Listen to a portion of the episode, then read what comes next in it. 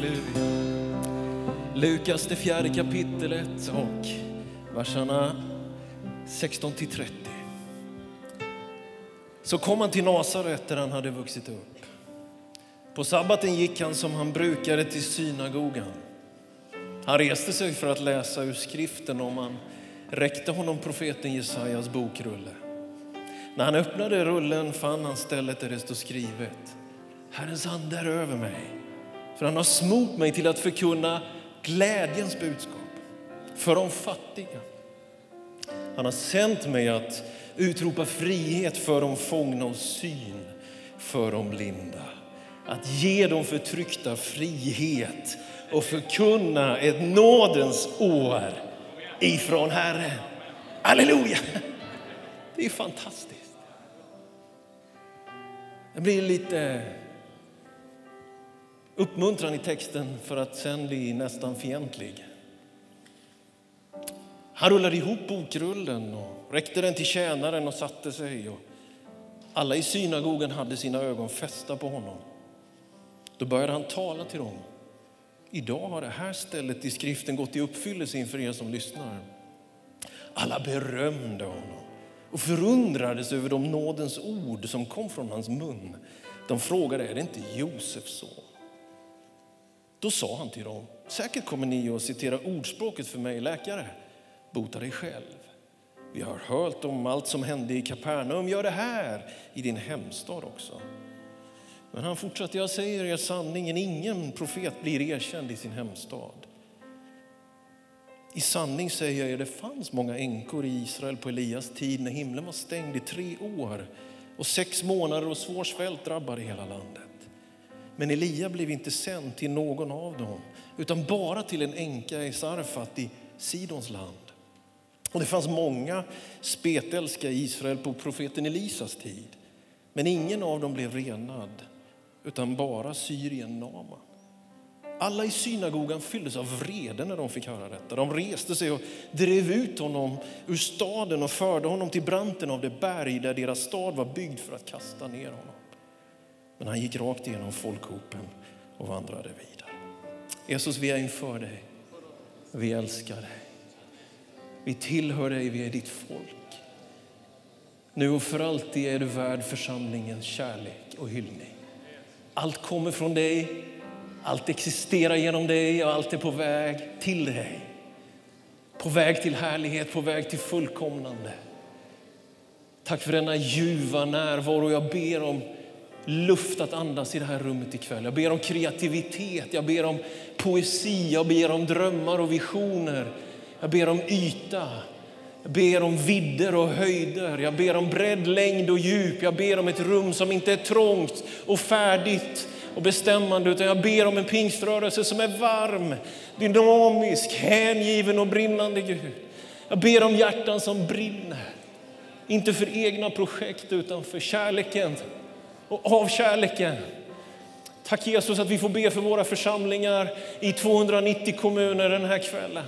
Tack Jesus att du ser varje kapell, varje kyrkbyggnad, varje struktur och varje ledarskap och varje aktivitet. Men framför allt alla människorna, allt folk, alla människor som finns.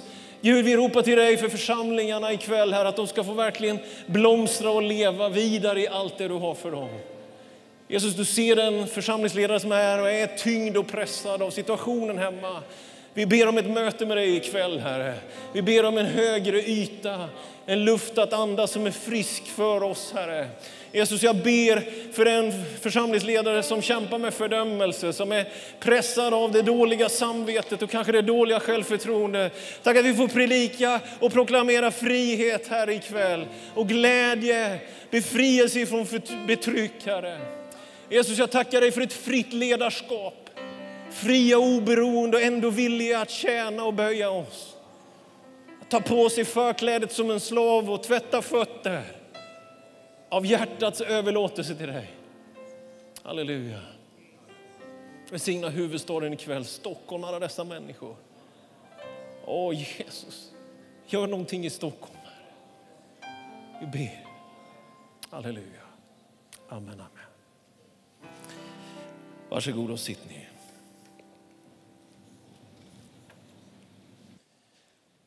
Jag har umgåtts den senaste tiden med en mycket enkel tanke, men för mig väldigt avgörande tanke. Jag har lyft den i olika predikningar och jag börjar med den ikväll också. Det här med att vi finns till, det här med att vi existerar. Vi säger lätt Gud är god, Gud älskar oss. Men min egen erfarenhet efter 48 års kunskap om mig själv har varit ganska fylld av bias, av missförstånd, av misstro, att inte riktigt kunna se, det har varit blindfönster. Och jag har haft lätt ibland att säga till dig och till andra, Gud älskar dig. Jag har haft svårt att på riktigt ta in det själv, alla perioder av mitt liv. Och så har jag umgås med den där tanken, Gud, finns vi till för att du liksom sitter vid dina monitorer och kollar när trillar han dit nästa gång, när gör han tabben nästa gång eller när blir det någon konflikt i församlingen nästa gång. Alltså att på riktigt, riktigt barnsligt bett till Gud och ropat till Gud. Varför existerar vi? Vet, man gör mycket, man driver mycket, man står i mycket. Och man predikar för andra och alla i det här rummet bär på ett eller annat sätt ett ansvar för att stå fram och artikulera och sätta ord på kristen tro. Och den här kvällen så är min bön att du ska få vara med mig i en vandring och en resa. Jag är inte här för att föreläsa, jag är här för att profetera ikväll. Jag är inte här för att hålla en halvhyfsad, bättre, jättebra predikan. Jag är här för att jag på riktigt tror att Gud behöver svepa med mig och dig. Att vi kommer i hjärta och själ och i rotsystem till den djupa insikten som en uppenbarelse kan ge. Att du inte är en olycka på väg att hända. Du är inte ett misstag och det finns inget ånger ifrån Guds sida över kyrkans existens, över din existens, över dina barns existens. Det finns en ondskans kraft som försöker lura oss till fördömelse, till självfördömelse. Gud är på riktigt god.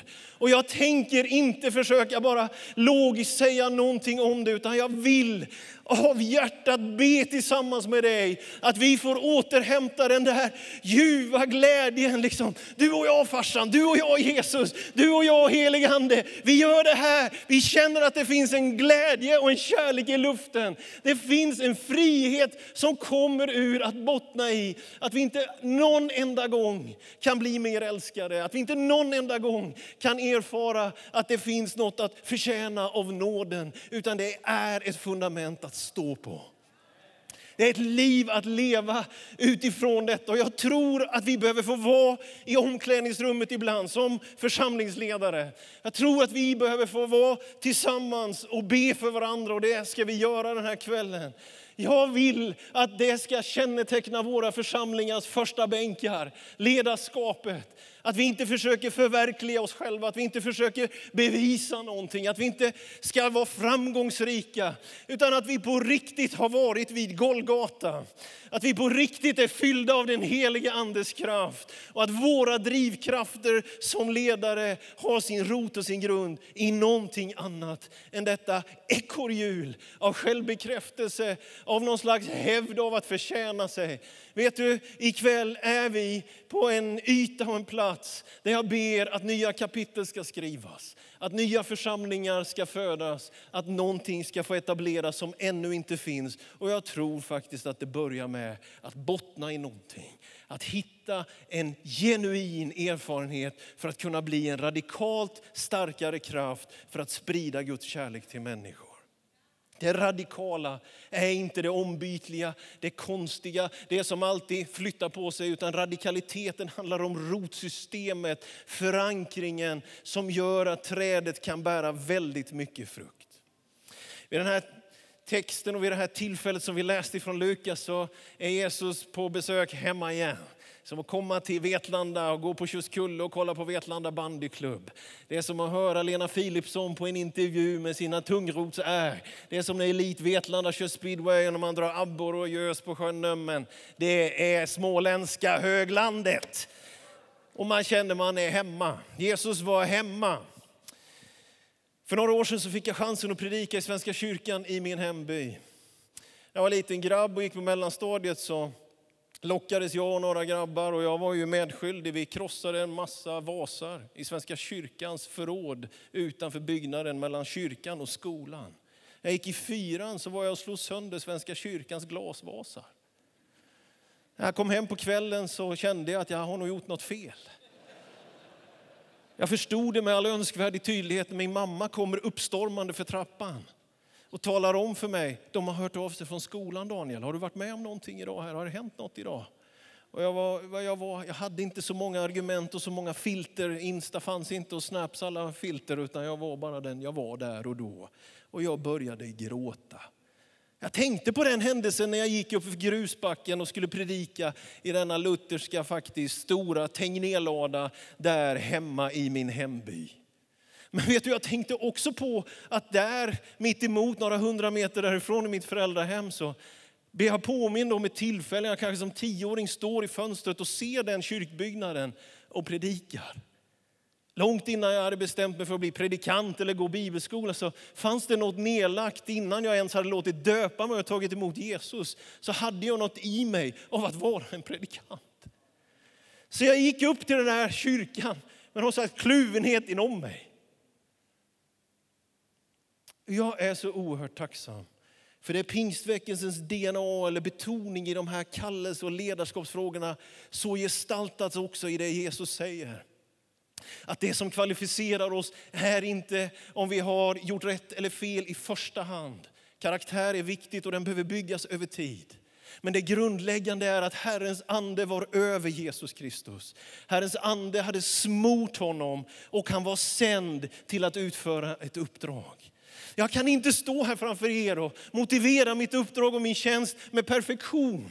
Jag försöker så gott jag kan, men en ledare gör många fel och jag blir trött på den diskussion ibland som kräver ett felfritt ledarskap. Jag blir trött på den helgelseförkunnelse som leder till någon slags rädsla av att bara vi sköter oss, bara vi inte gör något fel. Min proklamation eller mitt budskap till den svenska pingströrelsen den här kvällen på ledarnivå är, var inte rädd för att göra fel. Vårt uppdrag kan ju inte handla om att vi ska klara livhanken.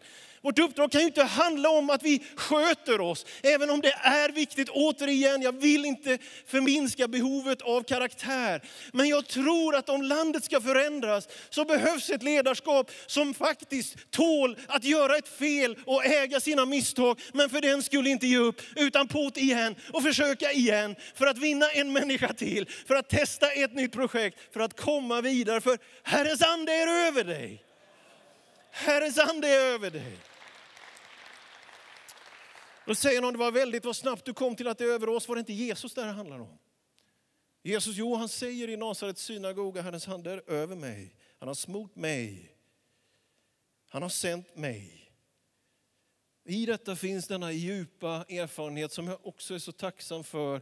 Att när vår rörelse väller fram i Indien och Sydafrika och Chile och i Adelöv och i Azusa Street och i Skövde och på många möjliga olika platser så växer denna enorma, växande, dynamiska rörelse fram på ett sätt som leder till att det som betonas är inte karismatikens erfarenheter och yttringar, utan det är Jesus Kristus som blir trodd, känd och älskad. Det är om honom vi berättar. Aposteln Paulus skriver i andra Korinthierbrevet 4 och 5, vi predikar inte oss själva, utan vi predikar Kristus.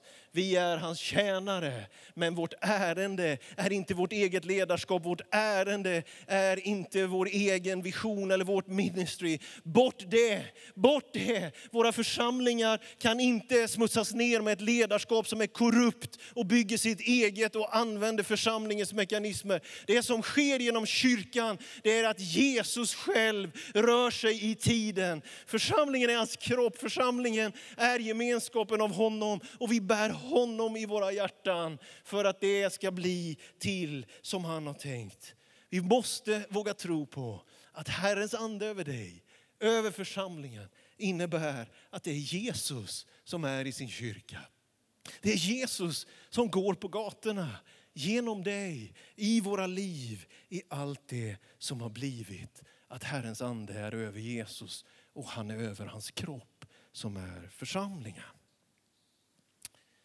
När jag växte upp då i den här lilla byn med 350 invånare.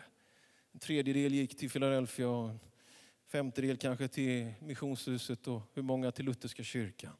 Bibelbältet och allt detta. När jag växte upp där så, så fanns det ju en ordning i byn att man la eh, samlingar på olika kvällar så man kunde gå på både luftgevärsskytte och pingis och UV Scout och i hobbygrupperna i Philadelphia. Det var ett samarbete i byn och vi var ändå en naturlig del, även om det var lite speciellt. Man fick inte spela fotboll på söndagar. Och jag minns när vi skulle spela en match på långfredagen och när tränaren sa jag älskar att spela fotboll. Så sa tränaren vi ska spela på långfredagen och tänkte jag kommer jag aldrig få göra. Tänkte. Och då hände det sig vid den tiden att en av mina klasskompisars farsa sa, här ska inte spelas fotboll på långfredagen. Och de är inte kristna eller troende vad jag vet. Det var en liten by där jag växte upp, där vi ändå var någon slags märklig del av samhället. Där församlingen inte, trots att den var unik och speciell och nog uppfattades så ibland också, ändå var en självklar del av det omgivande. Vi vill vara en rörelse som enligt vår framtidsbild mer och mer blir en radikalt starkare kraft att sprida Guds kärlek till människor. Det är inte isolering som är vår väg. Det är inte sekterismen som är vår väg. Oss får de ta vigselrätten ifrån.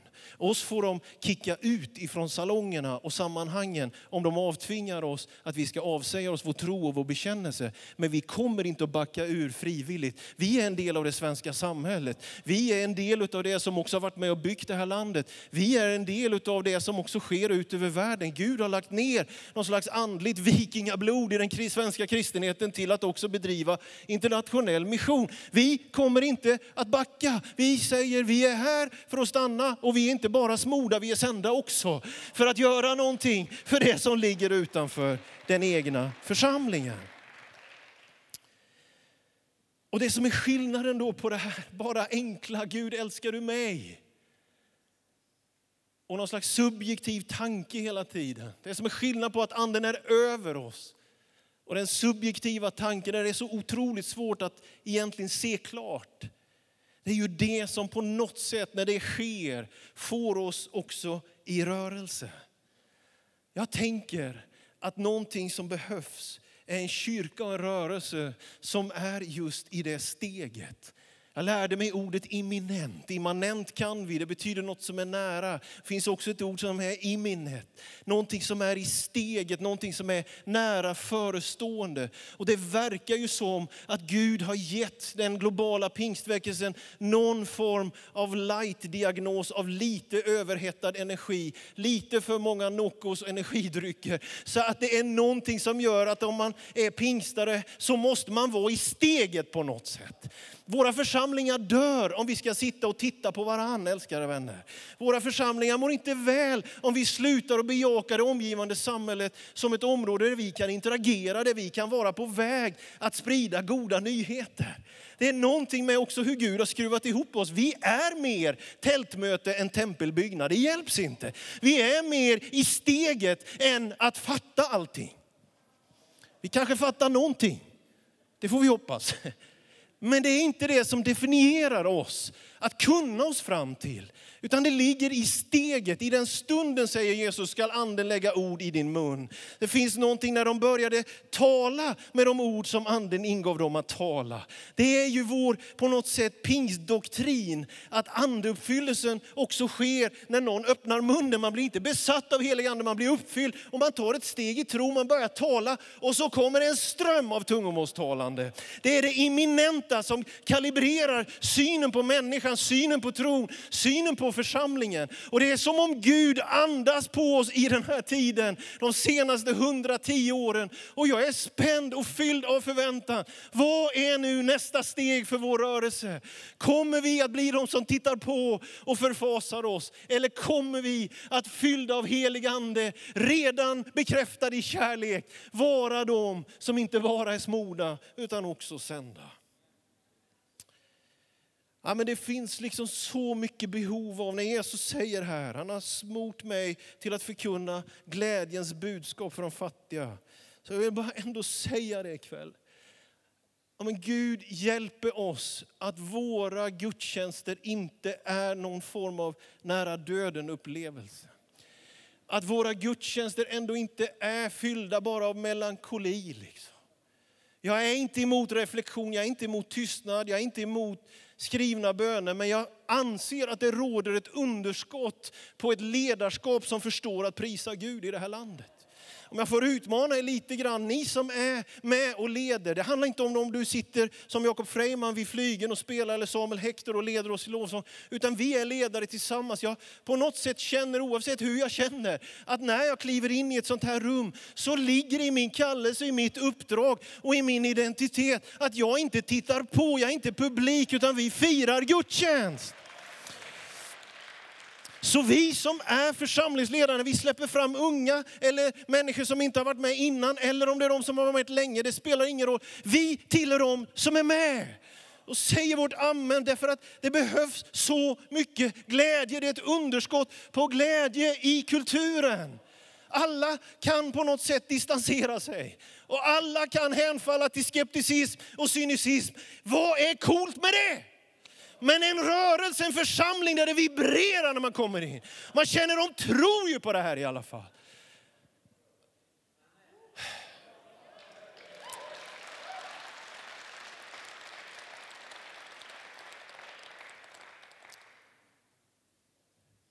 Det egna projektet, den egna potentialen.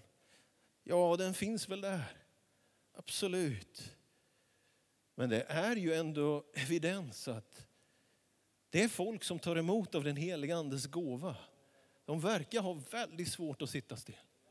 De verkar ha oerhört svårt att bara kolla på. De gör någonting. Och jag älskar ekumeniken och våra trossyskon. Vi ska be mycket för andra samfund.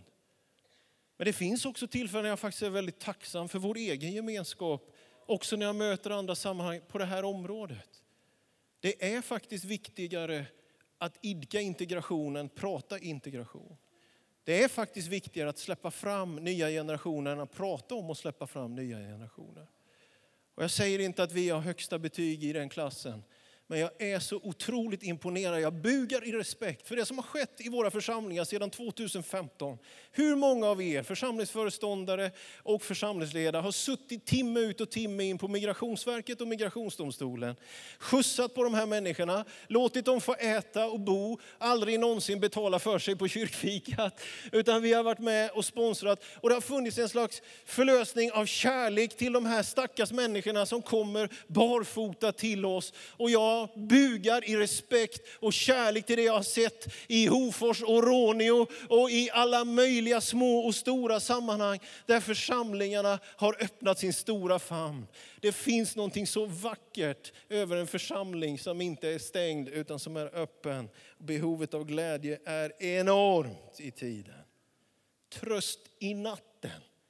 Behovet av jour så att säga jag vet inte, men med det digitala, med lurarna. Jag har själv skaffat det på sådana här lurar som man kan liksom bara burra in sig i när man är ute och reser. Och väldigt skönt om man slipper höra på någon och man kan sitta och lyssna på P1 eller någon musik eller vad man nu gör.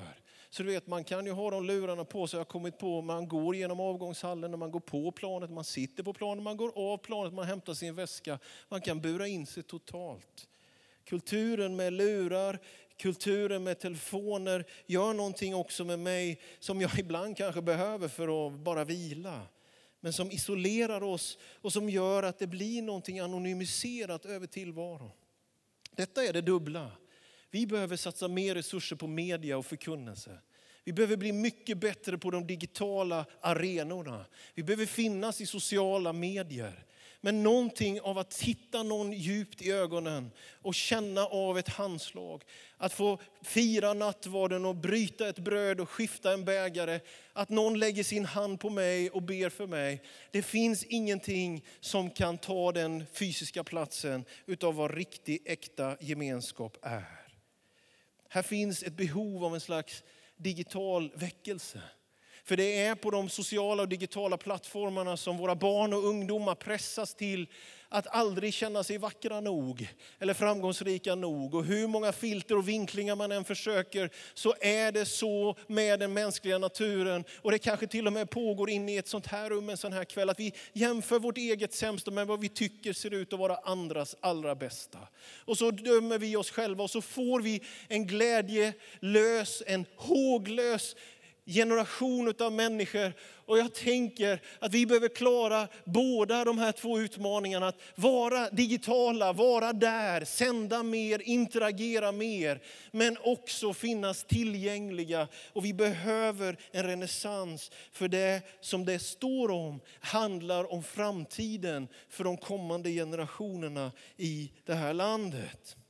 Det finns någonting när Jesus säger, han har sänt mig att utropa frihet för de fångna och syn för de blinda, att ge de förtryckta frihet. Det finns någonting som reser sig i tiden utav ett mur, av murtänkande, av murar, av det som polariserar, av det som drar isär. Det finns partier i Västeuropa som går till val på att begränsa religiösa fri och rättigheter. Det finns partier som går till val på att vissa grupper i samhället ska det vara tillåtet att diskriminera. Det finns partier som kan ta plats i beslutande sammanhang som har lovat sina väljare att om vi kommer till makten så kommer vi sänka flyktingbåtarna över Medelhavet. Det finns kampkrafter som har varit i Bulgarien som kraftfullt ville inskränka den religiösa friheten. Men vi kämpade tillsammans med lutheraner och med katoliker och där åtminstone tillfälligt lyckades att hitta någonting utav en seger för friheten. Murar byggs och saker och ting dras isär i tiden. När Jesus är där i Nasaret så händer ju det här märkliga att efter att han har citerat Jesajas profetia, efter att han har talat ut detta fantastiska om smörjelsen och om sändningen, så är det som att han går in i och faktiskt lyfter det han känner av i rummet vad det verkar. Det är lite fientliga, det är lite avundsjuka. Han är hemma i Nasaret, han är hemma i hembyn. Och så börjar han prata om att det där kanske inte skulle kunna hända. Varför gör du inte det här själv nu som du har gjort? Vi har hört om allt som hände i Kapernaum. Gör det här i din hemstad också. Och så uppträder någonting av murar i det Jesus identifierar mellan Kapernaum och Nasaret. Mellan festen i Kapernaum och det lite kärvare Nasaret. Där de hade sett honom växa upp, är inte han snickarens son? Så det är som att Jesus själv i det samtalet dechiffrerar och kodar ut och ser att här sitter en grupp människor som är mer glada för Nasaret än Kapernaum. Det finns någon slags mur i rummet, så som mellan Jönköping och Huskvarna. Det finns någonting som liksom ligger i det här. Vi har hört det förut. Natanael, när han får höra om Jesus och säger, kan något gott komma från Nasaret? Kanske han hade en biblisk poäng eftersom ju Nasaret faktiskt inte nämns i de gammaltestamentliga profetierna som by. Det finns någonting som finns ju såklart på den här tiden också, men som också finns idag ut över världen. Men vet du, den finns inte bara i parlamenten. Den finns inte bara långt där borta. Ibland finns den mellan predikanter också. Att det finns någon slags konkurrenstänkande och en missundsamhet. Och jag tackar Gud för det som våra tidigare ledare har stått för. Jag tänker på Pelle Hörnmark, jag tänker på hans stora famn, jag tänker på hans värme i blicken. Jag tänker på att vi har kommit ett, bi, ett, ett stycke på väg i att respektera och hedra varandra och att inte leta fel på varandra. Utan att istället glädjas när det är fest i Kapernaum. Jag tänker att vi behöver komma vidare på det och utvecklas i den kvaliteten i relation till andra trossyskon. För om det är så att murar byggs innanför kyrkan, hur ska vi kunna vara med och riva murar utanför? Hur ska vi kunna liksom säga ett ord av rättfärdighet när vi är snåla och giriga själva? Hur skulle det kunna se ut att jag skulle kunna säga till någon i Stockholm att vara generösa mot nyplanteringar om jag inte släpper fram det hemma i Västerås? Hur skulle jag kunna ha någonting emot nya planteringar om jag som står i en hundraårig församling, om jag är emot det, vad har vi då själva för existensberättigande? Det kanske inte är så att murar och polariseringen alltid är långt där borta. Men det är nog så att de ibland går igenom min egen själ. Och därför så finns det någon slags allvarsord och det är ju det när Jesus tar ner den här profetian och sätter den i relation och på något sätt också irriterar och något provocerar med de här exemplen från Elia och Lisas tid. Det är någonting av ett allvar när det handlar om murar. Jag tänker att vi står i ett slags avgörande skifte ändå. Att jag tror att Gud vill ge mer av karismatik, av liv. Men vi måste förstå och tillämpa att det det är till för, det är de utsatta, det är de ensamma, det är de ointresserade. Det är att ge bort till de andra sammanhangen. Att orka vara generös och inte ha någon baktanke. Älskade vänner, det finns någonting så allvarligt över detta och vi behöver hitta en kraftfullhet i att vara den radikalt starkare kraften för att sprida Guds kärlek till så många människor som möjligt. I Jesaja 58 så talas om orättfärdiga bojor. Men jag älskar den här formuleringen. Lyssna här bara. Här är jag. När du ropar ska han säga, här är jag om du gör dig av med alla ok, om du slutar att peka finger och tala onda ord, om du delar med dig av vad du har åt den hungrige och mättar den som lider nöd, då ska ditt ljus gå upp i mörkret och din natt bli som middagens ljus. Alltså det är någon mekanism. Att det som behövs i tiden är inte en kyrka som pekar finger, utan som lossar orättfärdiga bojor. Det som behövs i tiden är inte en ledarkultur där vi blir starka genom att trycka ner någon annan. Det som behövs i tiden det är att vi lossar orättfärdiga bojor. Och den friheten kommer genom att anden kommer över oss. Smörjelsen leder till denna sändning. Till slut. När Jesus profeterar så säger han ju det här att han ska förkunna ett nådens år ifrån Herren. Och många av er har predikat många gånger över den här texten och vet mycket väl att när han citerar Jesaja 61 så slutar det egentligen inte där Jesus slutar. Utan Jesaja går vidare och talar om hämnd. Men Jesus stannar när han har sagt detta om nådens år. Hörrni älskade vänner, det finns en, en slags tyngd över det där läget när Jesus lägger ihop skriftrullarna där i Nasaret och säger idag har detta gått i uppfyllelse inför er. Guds riket är nu. Guds riket är här. Guds riket är nära. Och nu är vi i andens tidsålder, en slags utsträckt generositet från himmelen att nå så många som möjligt. Låt oss inte hänfalla till spekulation och konspiration. Låt oss vara välkomstgruppen. Låt oss inte vara den grupp som tror att det är vi som styr skedena. Låt oss ta emot skurar från höjden. Låt oss ta emot en ny uppfyllelse av välsignelse och konstatera att i det finns också ett nästa steg även för vår rörelse. Smoda och sända. En radikalt starkare kraft. Någonting som på riktigt förändrar Sverige. Vet du, jag tror att det är möjligt. Jag tror att vi inom fem år, inom tio år kommer se andra kapitel skrivas i det här landets kristenhet. Jag tror att sekulariseringen och egoismen äter sina sista smulor runt om i våra kyrkor. Jag tror att det får vara över nu med diskussioner om kyrkans musik och programverksamhet hit och dit.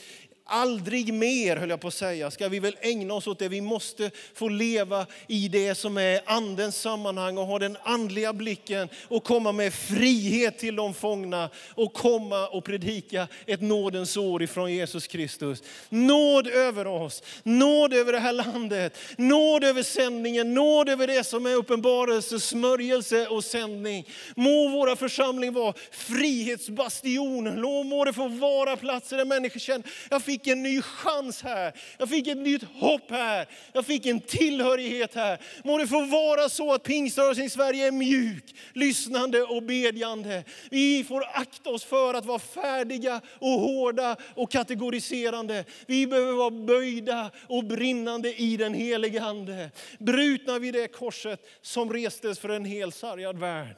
Och i det är Herrens ande över dig. Han har smort dig. Han har smort dig, dig, dig. Han har sänt dig in i ett nytt skeende också i det som är ditt liv. Ska vi stå upp tillsammans och ta en stund av bön i ett läge av lovsång och gemensam överlåtelse till Gud. Halleluja. Tack Jesus att du är här just nu. Tack för din eviga heliga närvaro som vi har påmint oss om gång efter gång under den här dagen. Men just nu så vill vi på nytt igen, igen känna att du är här och detta är ditt folk. Detta är din församling. Det är din rörelse. Verket kommer ifrån dig och det tillhör dig. Här den här fredagskvällen så är vi inför dig och vi vill stå här för någon annans skull ikväll. Herre, vi vill vara ett ledarskap som inte alltid söker den egna bekräftelsen, söker den egna framgången. Hjälp oss Gud, förbjud det i våra liv. Vi vill vara ett ledarskap som söker det som är där ovan. Vi vill vara ett ledarskap som älskar smörjelsen, som älskar sändningen, som kan vara ett ledarskap som andra kan ta följe på. Som inte fastnar i det som är för stunden, utan ser längre och mer. Gud, jag ber att den här kvällen skulle du väcka någonting som förlöser glädje över de svenska pingstförsamlingarna. Gud, den här kvällen så ber jag att du skulle väcka någonting som ger kraft att riva ner murar. Låt dina skurar falla ifrån den himmelska höjden, Gud. Gud, jag tackar dig. Lovad vare du, Jesus Kristus. Halleluja. Halleluja.